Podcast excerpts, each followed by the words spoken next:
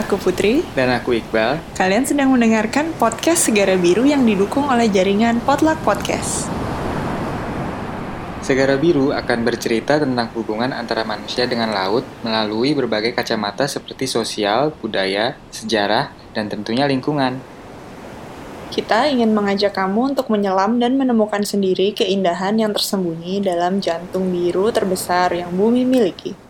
Jadi, tarik napasmu dalam-dalam dan mari mulai menyelam.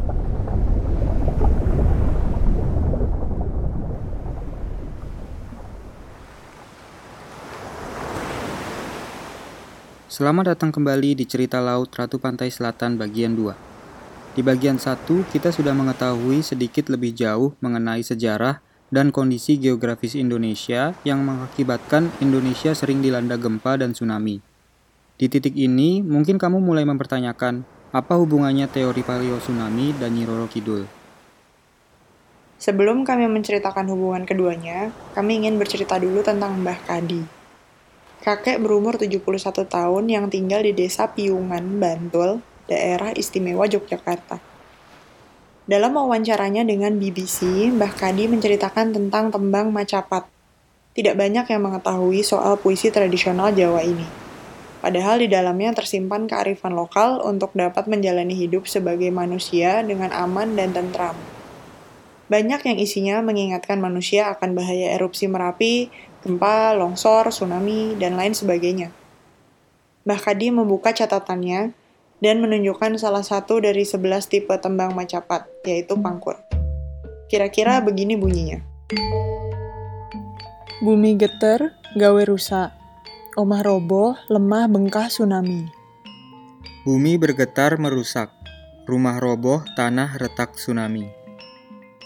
Iku ing aranan lindu, mergane onok tiga. Itu yang dinamakan gempa. Penyebabnya ada tiga. Lemah amble, longsor, yan vulkanik gunung. Tanah anjlok, longsor, dan gunung vulkanik kabeh datengke beboyo papatine rasa titik. Semua mendatangkan bahaya, tak sedikit korbannya. Sadurunge lindu ono, yoso wismo kang titi ian permati. Sebelum ada gempa, berhati-hatilah dan waspada. Dibako ojo gampang rubuh, tansah siap sioko. Diikat jangan sampai rubuh, selalu siap siaga. Kita, sebagai manusia, telah mencoba merekam jejak-jejak kehidupan jauh sebelum adanya tulisan. Nyanyian, tarian, puisi, dan mitos merupakan bentuk-bentuk rekam jejak manusia dan bagaimana manusia saat itu melihat sekelilingnya. Menurut Dr. Eko Yulianto, pada dasarnya ada dua hal yang mempengaruhi kepercayaan manusia, kesenangan dan ketakutan. Kita selalu merasa takut akan hal-hal yang tidak bisa kita jelaskan dan untuk menenangkan diri, kita akan mencari jawaban apa pun dan dari mana pun datangnya jawaban itu. Secara psikologis, penjelasan yang kita temukan ini diperlukan untuk membuat kita merasa tenang. Hal ini yang memicu kemunculan orang-orang yang menawarkan satu penjelasan dengan berlandaskan kepercayaan di masa itu. Jadi kalau misalnya satu komunitas, satu masyarakat itu e, mempunyai kepercayaan katakanlah animisme, maka ya aktivisme itu yang akan digunakan untuk menjelaskan tentang peristiwa yang mereka hadapi. Kalau Hindu atau Buddha atau Islam atau uh, Kristen dan sebagainya, maka kepercayaan itu yang akan digunakan untuk menjelaskan tentang itu. Nah, kalau kita memiliki basis uh, seperti ini, maka kemudian kita bisa membedah sebuah produk budaya gitu, apa pun itu, misalnya katakanlah cerita tutur atau legenda atau mitos, dari perspektif itu tadi gitu sehingga kemudian kita akan bisa membukanya. Dr. Eko Yulianto juga menambahkan dalam serat negara Kertagama bahwa orang Jawa melihat peristiwa alam dalam pola pikir sebuah ramalan, bukan mengaitkannya sebagai sebuah hukuman untuk perilaku manusia. Bencana alam merupakan pertanda bahwa sesuatu akan segera terjadi. Makanya kemudian di Pararaton itu ada peristiwa uh, letusan gunung yang sekaligus, longsor misalnya ya, terjadinya longsor yang ditulis lokasinya itu di Banyu Pindah disebutnya gitu. Itu juga ada gempa saat itu dan itu bertepatan dengan lahirnya Hayam Wuruk saat itu. Di dalam para keraton itu dimaknai sebagai bahwa gempa yang terjadi itu menjadi penanda lahirnya raja yang nanti akan menjadi raja besar. Cerita serupa juga bisa ditemukan di Babat Galuh. Gempa besar yang terjadi ketika Prabu Siliwangi dilantik dimaknai sebagai pertanda bahwa ia akan menjadi raja yang besar. Nah, selalu ada kaitan-kaitan seperti itu. Tapi dalam setiap masa masyarakat, masa komunitas, selalu ada orang-orang yang lebih barangkali sedikit lebih cerdik, sedikit lebih pintar daripada masyarakat sekitarnya. Sehingga kemudian uh, ada juga yang kemudian memanfaatkan hal itu untuk tujuan-tujuannya gitu. Jadi semacam rekonstruksi untuk mendapatkan semacam legitimasi untuk meraih tujuan itu. Nah, pada konteks itulah yang kemudian saya membedah tentang secara khusus di, di itu adalah bedah uh, babat tanah Jawi itu tadi. Sebenarnya itu sudah, sudah dilakukan oleh beberapa orang sebelumnya, misalnya orang Belanda yang namanya Graf, dia menganalisis tentang uh, tanah Jawi membandingkannya dengan kronik yang lain juga. Kemudian yang paling baru misalnya Ras, misalnya dia juga buat analisis kenapa ada cerita-cerita di dalam babat tanah Jawi seperti itu dan dia menganalisis cerita itu dibuat kapan dan masuk ke dalam versi babat tanah Jawinya itu versi yang mana dan sebagainya.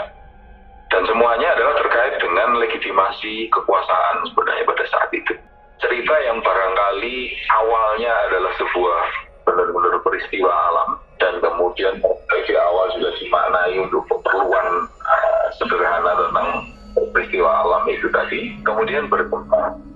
Nah pada konteks dinasti Mataram Islam di situ akan akan sangat menarik dan uh, kenapa kemudian raja pendiri dinasti Mataram itu memerlukan legitimasi secara sosial politik.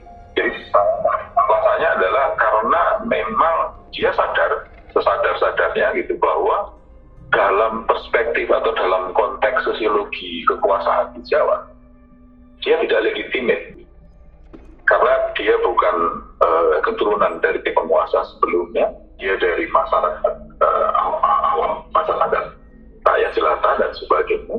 Sehingga dia dia memerlukan legitimasi legitimasi untuk menjadi raja baru menjadi penguasa baru narasi tentang bagaimana seorang raja dibuat seolah-olah ditakdirkan menjadi raja yang sah atau menjadi raja yang baru juga banyak diceritakan di dalam babat Tanah Jawi. Salah satu cerita yang paling dikenal adalah kisah pertemuan Panembahan Senopati dengan Ratu Kidul. Jadi hubungan antara lahirnya legenda uh, Ratu Kidul dengan peristiwa tsunami itu pada perspektif itu tadi. Nah, kalau kita membuka misalnya di dalam serat kanda, serat kanda Bapak Tanah Jawa itu uh, versinya adalah versi tembang lagu Tanah Jawa uh, Mojopat gitu. Dan di situ ada deskripsi yang sangat jelas sekali tentang pertemuan antara Senopati dengan Ratu Kidul itu tadi. Itu diceritakan cerita tentang karakter uh, peristiwa yang terjadi itu mirip sekali dengan deskripsi saksi mata atau penyintas tsunami 2004 misalnya gitu ya. Jadi di situ digambarkan di dalam beberapa bait itu. Jadi sebenarnya ini panjang tapi saya penggal pas di bagian yang menggambarkan tentang setting dari pertemuan antara Senopati dengan uh, Ratu Kidul.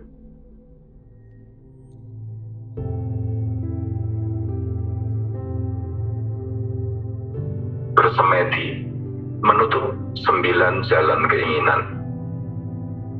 Bertanya ke kehendak yang agung, karena tiada yang terlihat tiba-tiba datang prahara. Bergemuruh di mana-mana, gemuruh angin dan petir, banyak pohon pertumbangan. Samudra bergejolak, airnya panas seperti pedang. Ikan besar-besar semua berlompatan ikan belanak terbentur karang hancur karena polanya sendiri. Semua terlihat berserakan. Udang kering seperti tinggal tulang karena amat panasnya. Ikan semua menderita sampai di pantai ikan-ikan lalu mati.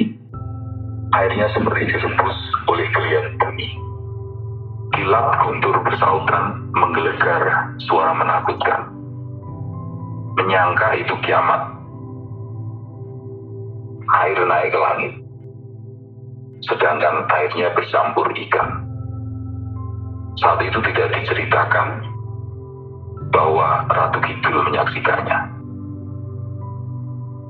Sedang tidur nyenyak, terkejut hati sang Dewi. Sedangkan ular berlarian mencari tahu yang terjadi. Ratu Kidul perlahan berbicara. Selama ini saya belum pernah melihat samudera berubah menjadi pesisir. Sedangkan panasnya air lebih panas airnya dibandingkan api. Semua ikan mati. Apa iya kalau ini kiamat? Ratu Kidul selekasnya pergi melihat segala tempat hunian dan juga alam sekitar. Dari kutipan bait babat Tanah Jawi yang dibacakan oleh Dr. Eko Yulianto, ini adalah bagian yang paling berkesan untuk kami. Banyak pohon bertumbangan, samudra bergejolak, airnya panas seperti wedang. Ikan besar-besar semua berlompatan. Ikan terbentur ke karang, hancur karena ulahnya sendiri. Semua terlihat berserakan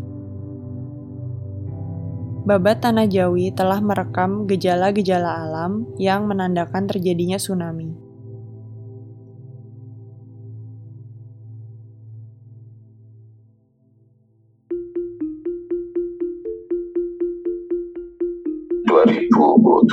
saya uh, datang lagi ke Pangandaran dua kali itu dengan pertama dengan Brian lagi. Profesor Brian F. Atwater adalah seorang ahli geologi yang bekerja di Pusat Survei Geologi di Amerika Serikat atau USGC dan juga seorang dosen di University of Washington.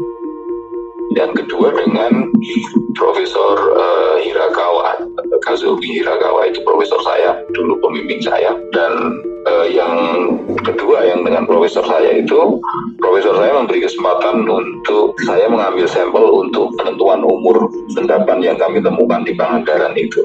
Dia bawa ke Jepang dan ketika keluar hasilnya itu 425 plus minus 20 tahun. Artinya 425 tahun yang lalu kurang lebih sekitar 400 tahun yang lalu gitu.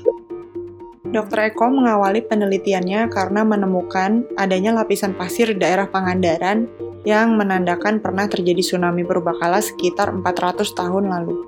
Ia pun melanjutkan penelitiannya di pesisir Jawa bagian lain dan menemukan rekam jejak yang sama di sekitar rentang waktu yang serupa. Nah itu yang kemudian mengawali imajinasi saya terus terang gitu ya. Ada apa 400 tahun yang lalu? Saya hanya ingat sama-sama tentang pelajaran sejarah dari SMP dulu gitu bahwa 400 tahun itu sekitar 1600 jadi itu kurang lebih awal-awal berdirinya kerajaan Mataram Islam. Nah, kerajaan Mataram Islam itu didirikan oleh Panembahan Senopati atau Sukarijaya sebelum dia mendirikan kerajaannya, dia ketemu dengan Ratu Kidul. Sehingga kemudian imajinasi saya apa hubungannya gitu kalau ini memang benar ada tsunami, apakah tsunami yang terjadi pada saat itu berkaitan dengan legenda Ratu Kidul itu? Dari hasil penelitian Dr. Eko Yulianto, kita tahu bahwa terjadi tsunami sekitar 400 tahun yang lalu. Kita juga tahu bahwa Kerajaan Mataram berdiri antara tahun 1584 sampai 1588. Dari keduanya, kita bisa menyimpulkan di waktu sekitar berdirinya Kerajaan Mataram terjadi bencana tsunami yang besar yang menjadi metafora Nyi Roro Kidul. Lalu, mengapa harus dibuat cerita Nyi Roro Kidul? Kalau kita ingat kembali, Panembahan Senopati adalah anak angkat dari Sultan Hadiwijaya, raja dari Kerajaan Pajang. Panembahan Senopati sendiri tidak berdarah biru. Artinya, menurut hukum sosial pada waktu itu, dia tidak punya hak kuasa untuk menjadi raja. Dia membutuhkan Nyi Roro Kidul agar masyarakat percaya bahwa seorang Panembahan Senopati yang bukan keturunan raja telah mendapat restu dan diakui oleh laut dan penjaganya atas kesaktiannya. Dengan kecerdasan politik inilah, Panembahan Senopati memanfaatkan yang sebenarnya hanya kejadian alam menjadi mitos turun-temurun untuk legitimasi politik dirinya sebagai raja. Legitimasi politik ini diperkuat lagi dengan dibuatnya bedaya-bedaya atau tarian dan upacara labuhan oleh Sultan Agung, cucu dari Panembahan Senopati, yang mengisahkan pertemuan kakeknya dengan Nyi Roro Kidul. Kegiatan ini sampai sekarang masih dilakukan dan menjadi ritual wajib saat upacara ulang tahun penobatan.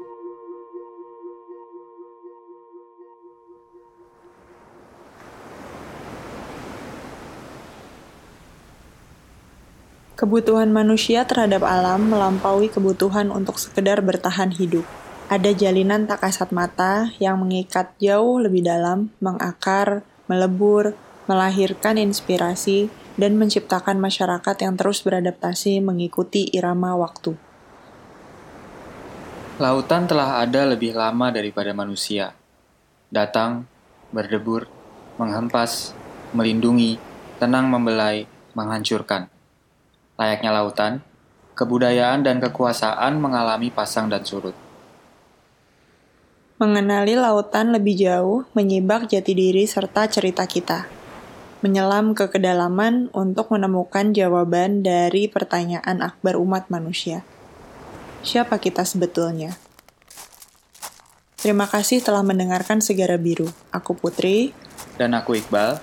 Kami kembali ke permukaan.